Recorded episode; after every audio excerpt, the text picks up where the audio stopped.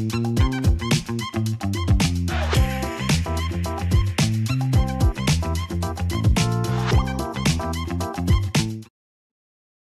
الخير واهلا بيكم في حلقة جديدة من Love in Cairo Show. زي ما أنتم متعودين بكون معاكم رغدة صلاح والنهارده معانا. نوع حتاتا وبنكون معاكم كل يوم الساعة 11 علشان نشارك معاكم كل حاجة بتحصل في مصر وفي القاهرة. كل الاخبار وكل حاجة ممكن تكون فاتتكم أي يوم بنشارك معاكم على طول. دايما بفكركم تعملوا لنا follow على كل ال account بتاعتنا تيك توك انستجرام يوتيوب تويتر وكمان فيسبوك وكمان بنفكركم إن لو في أي حاجة حصلت حواليكم حاسين إن هي related جدا بمصر اعملوا لنا mention فيها أو نزلوها ك story واعملوا mention ل Lovin Cairo و hashtag Lovin Cairo كمان لازم تبقوا عارفين إن أنتوا تقدروا تسمعوا الحلقة كاملة كبودكاست على Podeo أنغامي سبوتيفاي Google Podcast وكمان Apple Podcast ولو عايزين تتفرجوا عليها كاملة تقدروا تشوفوها على اليوتيوب. بنحاول كل أسبوع يكون معانا interviews وحاجات مختلفة فالنهاردة عاملين لكم surprise حلوة كده وصغيره عملنا interviews yes عملنا interviews مع أبطال فيلم 19 ب عملنا مع المخرج أحمد عبد الله والممثل سيد رجب وكمان الممثل أحمد أحمد خالد صالح. فتعالوا كده نشوف برومو صغير جدا للانترفيوهات عشان في آخر الحلقة هتشوفوا الانترفيوهات كاملة. النهارده معانا كل أبطال عمل فيلم 19 ب الخوف في حد ذاته يمكن إحنا كلنا بنتشارك فيه. يعني إحنا كلنا خايفين آه، أحب إن هو ما يفكرش في مسج خالص آه وإنه يسيب نفسه للفيلم. ترجع تاني للنقطة بتاعت الحيوانات ووجودها في الفيلم كانت بتخلي طول الوقت في حاجة أنت مش عارف هل زعتر هيعمل اللي مطلوب منه في المشهد ولا لأ. فكان طول الوقت في حاجات fresh بتطلع. رجعنا لكم تاني بعد البرومو الصغير ده ويا رب يكون عجبكم وتحمستوا كده إن أنتوا تشوفوا الحلقة كاملة وتشوفوا الانترفيوهات كاملة في آخر الحلقة. آه يعني كمان بنشجعكم إن أنتوا تشوفوا الفيلم لأن هو في السينمات دلوقتي. فتعالوا نشوف كده إيه ال headlines اللي معانا النهارده وبسرعة كده نقول لكم أخبار اليوم عشان تلحقوا كده تستمتعوا بال interview وتلحقوا تشوفوا الحلقة كاملة. yes طيب أول خبر معايا هو إن هيبقى في غرامة 3000 جنيه لذبح الأضحية بالشوارع. okay. ومعايا برضو خبر تاني إن وزارة السياحة بتعلن عن سبع أماكن سياحية ممكن تدفعي تذكرتها الكترونيا. nice.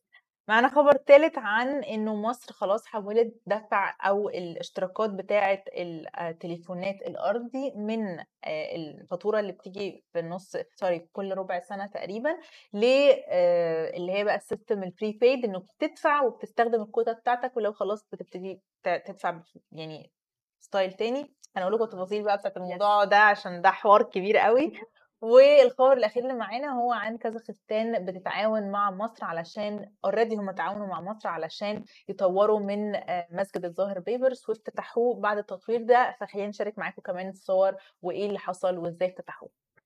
يلا بينا. يلا بينا. طبعا يعني هنبتدي نقول كل سنة وأنتم طيبين. العيد كبير قرب وإن شاء الله يعني الناس كلها تكون مبسوطة وطبعا زي ما إحنا عارفين العيد الكبير يعني فيه ذبح أضحية مم. وزي كل سنة الدولة بتطلع وتقول يا جماعة ممنوع ذبح الأضحية في الشوارع بيبقى منظر مش كويس مش حاجة نفسيا حاجة. حلوة ولا حضارية ولا يعني مظهر لطيف للعيد فمحافظ الجيزة أخذ يعني قرارات كده وأعلن إنه هيكون في غرامة 3000 جنيه لذبح الأضحية بالشوارع أو لأي حد مشارك في الفعل ده آه، لأنه طبعا يعني حاجة صعبة وكل شخص مشارك يعني مش مش شخص مش جهة واحدة بس لأ هو كل شخص وقف مشارك في هذا الفعل هيدفع 3000 جنيه غرامة ويعني غالبا هيكون في كمان اكسترا غرامات اكسترا لو بقى على حسب ال- الفعل عامل إزاي أو مثلا ممكن يسحب منك المكان. ال-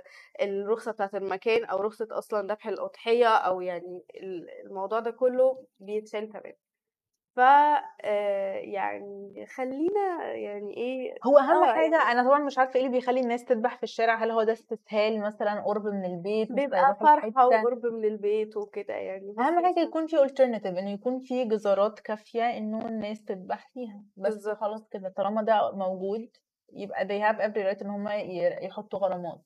بالظبط بس.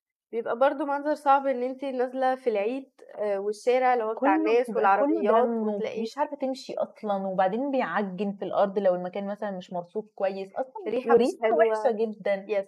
أنا برضه باشوف ودبان إن غير طبيعي على الأضحية نفسها، يعني أنت بالضبط. حبيبي أصلًا هيجرى لك مشكلة أمّا تاكل الأكل ده. صحيًا مش ألطف أيوه، حاجة. أنا ما باحبوش آآ برضه. برضه كأطفال أو كناس كبار، يعني في ناس مثلًا أنا واحدة من الناس دي لمّا باشوف مثلًا شكل دم أو كده بي بادوخ، باتعب، أيوه، ده حقيقي باتعب، فعلًا. أعصابي بتتعب فعلًا، فيعني نصيحة يعني لكل ال الجزارات أو لكل الناس حتى اللي هي individually بتحب هي تدبح بنفسها أو كده، يا جماعة يعني please اعملوها في أماكن مخصصة الأماكن وclosed المخصصة. اعملوها في الجراج عادي.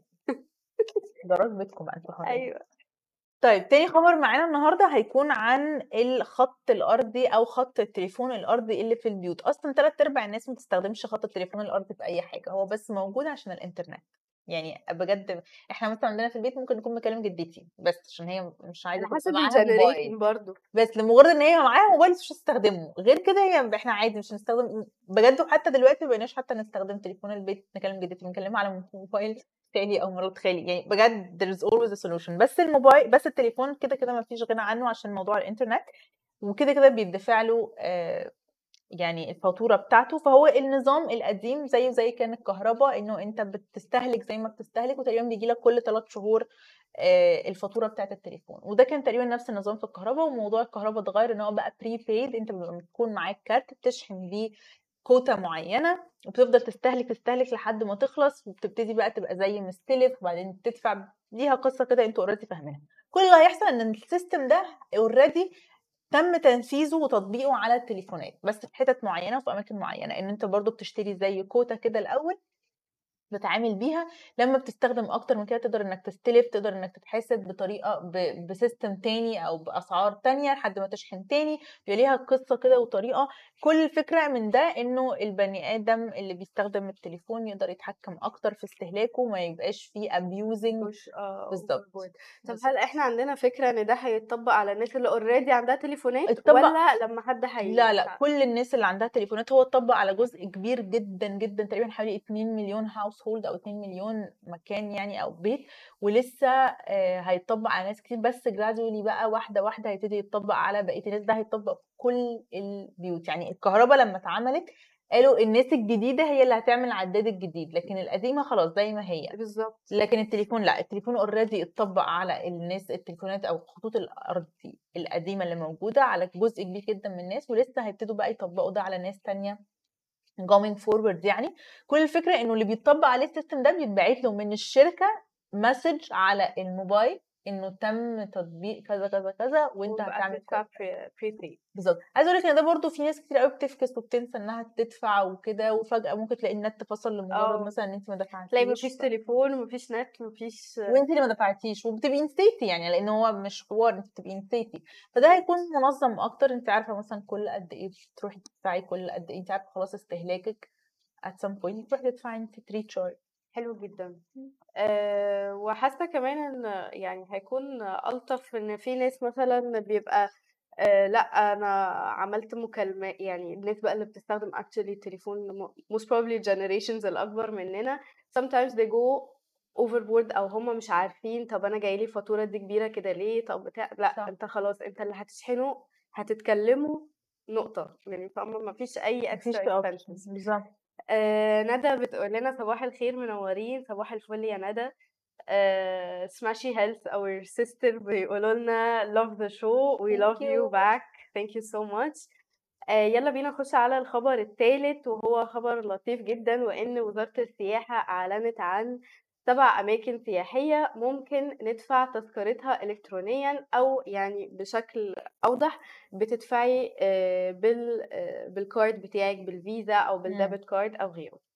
آآ ودي يعني مبادرة إن إن كل الأماكن أو كل ال services اللي بتقدمها الدولة بنروح لاتجاه إن إحنا نبتدي نلغي الكاش وندخل في الدفع الإلكتروني بالفيزا. طيب إيه هي الأماكن دي؟ الأماكن هي المتحف المصري، معبد إدفو معبد كومومبو معبد فيلة وأبو سمبل المتحف النوبي وقلعة القاهرة. فالأماكن دي كلها الناس تقدر دي حلوة جدا للسياحة كمان إن السياح لما يجوا يقدروا إن هم يدفعوا مش بال card مضطر إن هو يحول فلوس فيخسر في العملة يعني دي بالنسبة لي أكتر point exactly exactly وفي أصلا اتجاه إن هم هيبتدوا يلغوا أصلا فكرة إن انت تدفعي كاش في الأماكن دي. إن يبقى كله بيدفع بالفيزا. فيما عدا المدارس إن لو مم. في مدارس أو لو في رحلات أو كده الحاجات دي تبع الحكومة already الناس دي بتدفع كاش عادي بس الاتجاه الجديد إن كل الدفع هيكون عن طريق الفيزا الإلكترونية حلو حلوة جدًا، وعلى فكرة بقى هي فيها trick ذكية جدًا، إن لمّا يك لمّا يكون الدفع فيها إلكترونيًا بس، السياح هيبقوا عايزين يدفعوا بالعملة ال اللي هي مش مصري، دولار بقى، يورو whatsoever فأنت كده بتدخّل العملة الصعبة عندك البلد بطريقة indirect إن الناس تدفع بال بالفيزا. فمش بالكاش مش م يعني مش محوّلين مصري، مصري فبالتالي هيبقوا بيدفعوا بالعملة الأجنبية طب. والله آه والله يعني طلعنا فيها فيها يعني. تركاية آه. والله برافو علينا لطيف جدًا. طيب بما إننا بنتكلم على السياحة والسياح فتعالوا نتكلم عن مسجد الظاهر بيبرس واللي حصل إنه مصر تعاونت مع كازاخستان علشان يرمموا ويعيدوا فتح تاني مسجد الظاهر بيبرس. الافتتاح كان من يومين تقريبا أو يعني كان قريب جدا واللي حضر الافتتاح كان الدكتور أحمد الطيب ده شيخ الأزهر وكمان الدكتور محمد مختار جمعة وده وزير الأوقاف معاهم ناس كتير جدا وحضر كمان ناس بيمثلوا آه، حضر طبعا ناس كتير من السفارة سفارة كازاخستان وحضر ناس كتير قوي بيمثلوا دولة كازاخستان وكانوا لابسين بقى اللبس ال آم، التاريخي اللي كان موجود في نفس الفترة اللي الظاهر بيبرس كان عايش فيها يعني اللبس اللي هم لابسينه ده كان الظاهر بيبرس هو بيلبسه والناس اللي عايشة معاه في الحقبة الزمنية دي كانوا بيلبسوه ف cute جدا وناس كتير جدا اتصورت آه، معاهم باللبس ده لأن هو طبعا شكله منزلين الصور صح؟ Yes. Lovely لأن هم لابسين لبس traditional وشكله حلو وهم كمان مختارين ناس شكلهم كازاخستاني جدا يعني. فما باين إن هم they البلد وبي represent وا الحقبة دي. شكلهم كان حلو جدا وفكرة أصلا إن هم يرمموا المسجد ويعيدوا افتتاحه جميلة جدا يعني ولطيف قوي. إن دولة كازاخستان تعاونت مع مصر في ده إنه هم عايزين برضو يبقوا محافظين على كل حاجة على التراث. بتاعهم بالظبط إن هو في الأول في الآخر يعني هم. فاهمين أكتر ال culture بتاعتهم أكيد وكده كده في الأول آه هو موجود في مصر بس اللي بناه كان حد من كازاخستان وكان في حقبة زمنية معينة ففي كده شوية rules لازم تتبع شوية حاجات كده ممكن تتوه عن حد مصري لأنه في الأول في الآخر ده مش ال culture الأصلية بتاعته فلطيف جدا إنه في التعاون ده إنه المصريين موجودين وناس من كازاخستان وناس من السفارة كمان كانوا موجودين في الافتتاح. وزي ما قلنا اللي حضر الافتتاح كان الدكتور أحمد الطيب شيخ الأزهر وكمان الدكتور محمد مختار جمعة وزير الأوقاف. فده كان لطيف جدا إنه حلو كمان يعني أماكن معنية في مصر بتحضر الافتتاح. حلوة جدا. لطيف جدا. تقدروا تروحوا تشوفوه بقى وتزوروه يا جماعة و have كده وصوروه بعد الترميم واعملوا لنا tag علشان خاطر نعمل لكم reshare ات بالظبط كده بالظبط كده. حلو جدا. آه، زياد بيقول لنا hi guys lovely episode thank you so much يا زياد. آه، إحنا حلقتنا خلصت النهارده بس في interview مهم جدا لازم تتفرجوا عليه أول ما آه، الأخبار تخلص. قبل ما نخش على ال interview حابين نفكركم إن إحنا بنطلع كل يوم الساعة 11 live استنونا على آه، انستجرام على تويتر على يوتيوب بنطلع live في كل حتة.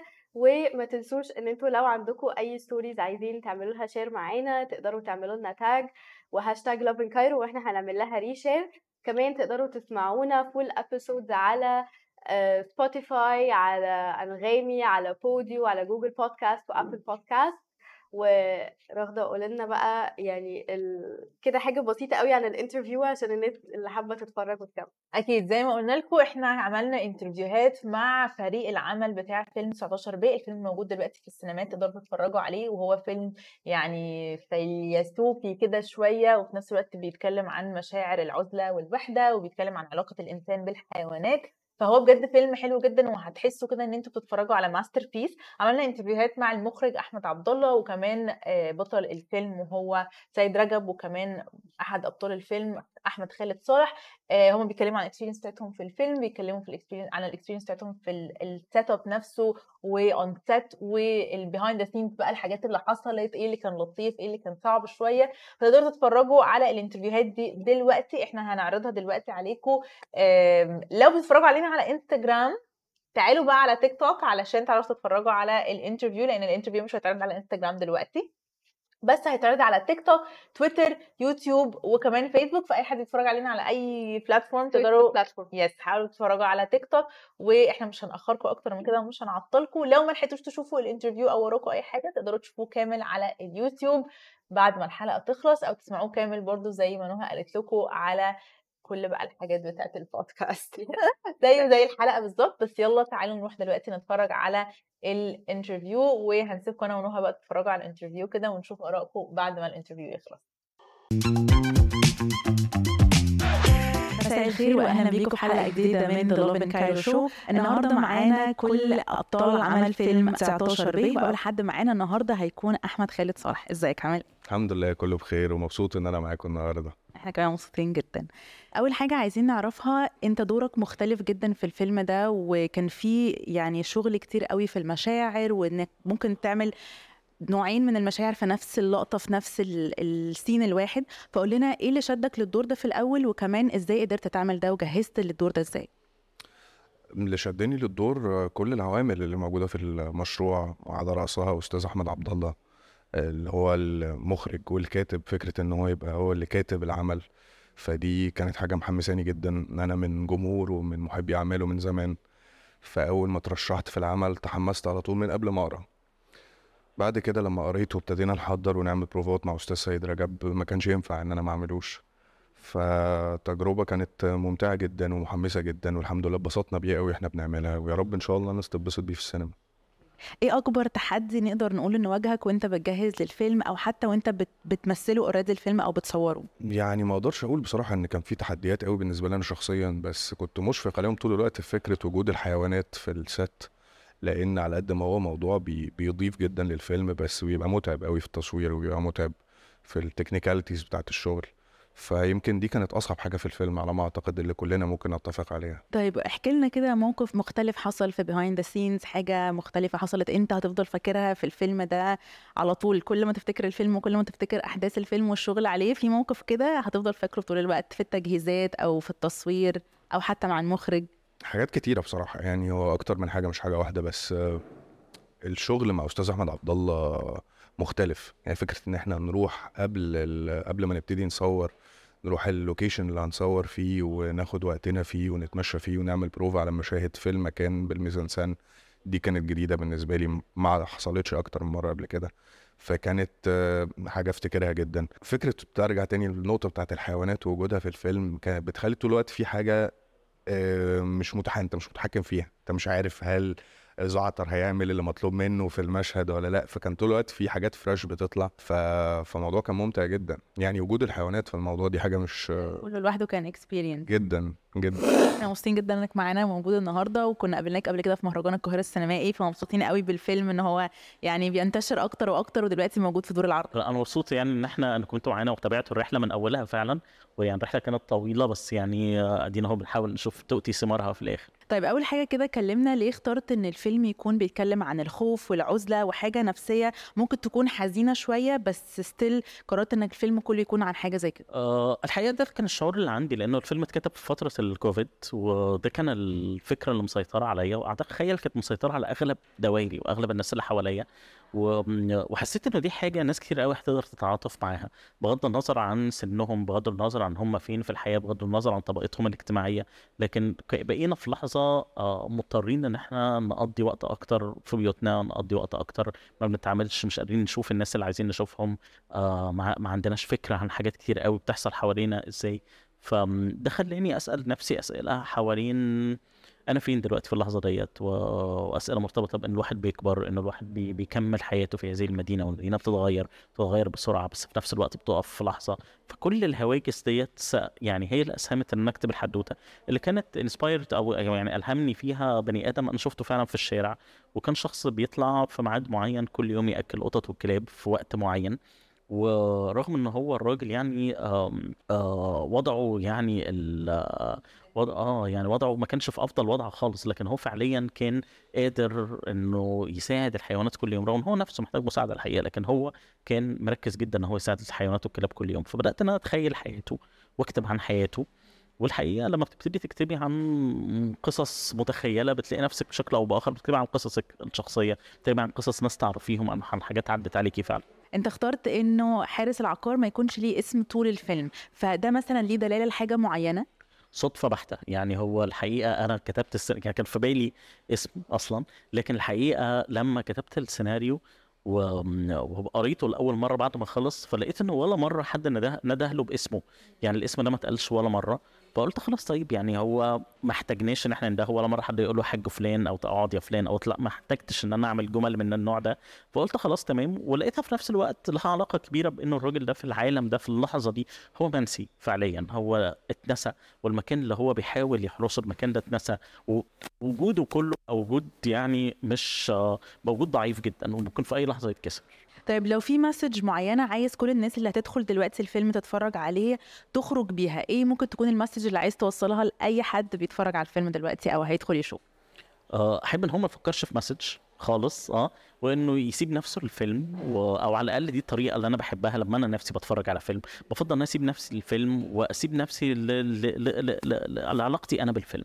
ويعني بحب قوي لما ناس تخرج من الفيلم ده وتقول لي إحنا حبينا فلان جدا وكرهنا التاني أو إحنا حبينا التاني وكرهنا الأولاني. أنا بحب قوي إنه يبقى في ال- الخلاف دوت ما بين الناس. آه.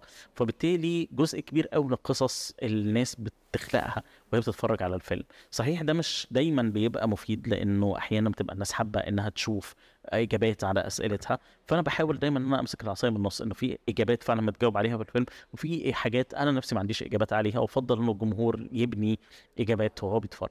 إحنا مبسوطين قوي إنك معانا النهارده وإن إحنا بنتفرج على الفيلم وبنشوفه وشفناه وإن هو دلوقتي الفيلم بقى موجود في السينما والناس كتير تقدر تتفرج عليه. فقول لنا إيه إحساسك كده إن الفيلم خلاص نزل السينما وناس كتير تقدر تشوفه؟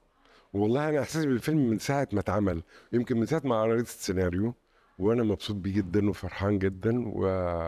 و... و... ولما خلص الفيلم واتفرجت عليه فأنا استكفيت آه والله يعني حتى بعد كده بقى لو عمل الدنيا كلها بس أنا بشكل شخصي سعدت بالفيلم وحبيته جدا و... و... واتشرفت إن أنا اشتغلت فيه فيلم آه، مثير. وجديد و... ومليان مشاعر واداني طاقة جديدة أشتغل بيها بقى عامل كده زي ال workshop اللي أنا بسيب شغلي وأروح أعمل workshop كده اطور اطور نفسي وأرجع تاني. فالفيلم عمل فيا كده. فأنا سعيد بإن هو نزل السينما و- وسعيد إن هو يعني خد جوائز في أماكن كتيرة. آه، آخر آخر ثلاث جوائز في تونس وفي المغرب خد في تونس جائزة أحسن ممثل وفي المغرب خد جائزة أحسن ممثل وأحسن مخرج. فدي حاجة جميلة خالص تسعد يعني. قول لنا إيه أكتر مشهد ممكن نقول إن هو كان مليان مشاعر وأنت لسه مرتبط بيه لحد دلوقتي أو مثلا مشهد كان صعب وأنت بتمثل آه، والله ال- ال- الفيلم كله آه، عبارة عن مشاهد مليانة مشاعر ومليانة أحاسيس و- وحتى ال ال ال ال الكلام كمان في الفيلم كان قليل قوي. فبيعتمد على المشاعر والدوافع وال- وال- والأحاسيس فكان كل المشاهد آه، مش صعبة قد ما هي مثيرة و- وممتعة وانت بتشتغلي ولكن طبعا مشهد مثلا إن أنا ب... ب... بشيل الحجر وأنا رجلي بتوجعني وب- وبنقله. وإحساسي بالانتصار بعد. بعد إن أنا قال يعني بقى يعني أنا تخلصت من الاستعمار. وهو انتصار كاذب خالص بشكلي وملوش أي معنى. ده كان مشهد بالنسبة لي كان كان كان كان كان في يعني مجهود عضلي مع مع مشاعر تانية فكان صعب شوية. وطبعا المشهد الأخير اللي هو مشهد المواجهة الحقيقية مواجهة خوفي ال- ال- الحقيقية ده كان مشهد كنت بتمنى إنه يطلع آه، زي ما إحنا حاسينه والحمد لله يعني. طيب شخصية سيد رجب الحقيقية بترتبط مع شخصية حارس العقار في إيه؟ يعني إيه ممكن يكون حاجة بتريليت بيها للدور اللي أنت لعبته؟ كتير. تصوري آه طبعا. الخوف في حد ذاته يمكن إحنا كلنا بنتشارك فيه. يعني إحنا كلنا خايفين وكلنا بنعيش آه، لحظات الوحدة والخوف ديت ونفسنا نخرج منها آه فأنا والحارس صحاب. وبعدين آه حب الحارس للحيوانات ده كان حاجة بالنسبة لي آه، سبب من أسباب إن أنا أبقى عايز أعمل الدور. هو علاقته بالحيوانات وعلاقته بالقطط وبال- وبالكلاب وده كان مثير جدا وأنا بقول بقى أنا هعمل ده وأنا سايب إيديا بقى لأن أنا خلاص أنا أنا حبايبي يعني يعني القطط والكلاب أنا بحبهم جدا وبتاع بس طبعا لقيت الموضوع مختلف تماما آه، لأن الكلاب أنا ما أعرفهاش والقطط ما أعرفهاش فكان لازم أبني معاها علاقة والحمد لله نجحت. عشان أنا بحبهم في الأساس يعني فكان طبيعي إيه تاني آه، يعني يعني إيه، يمكن الوحدة شوية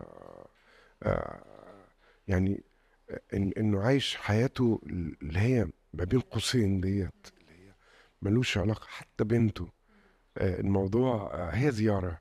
وتكون خفيفة كده علشان أعيش مع نفسي وبتاع وحاجات كده. فده كان جميل. يعني آه، أنا شايف إن الصفات ديت صفات إنسانية موجودة و و و وكلنا بنعيشها. المهم نلاقي المادة اللي نقدر نخرج فيها المشاعر ديت والاحاسيس ديت.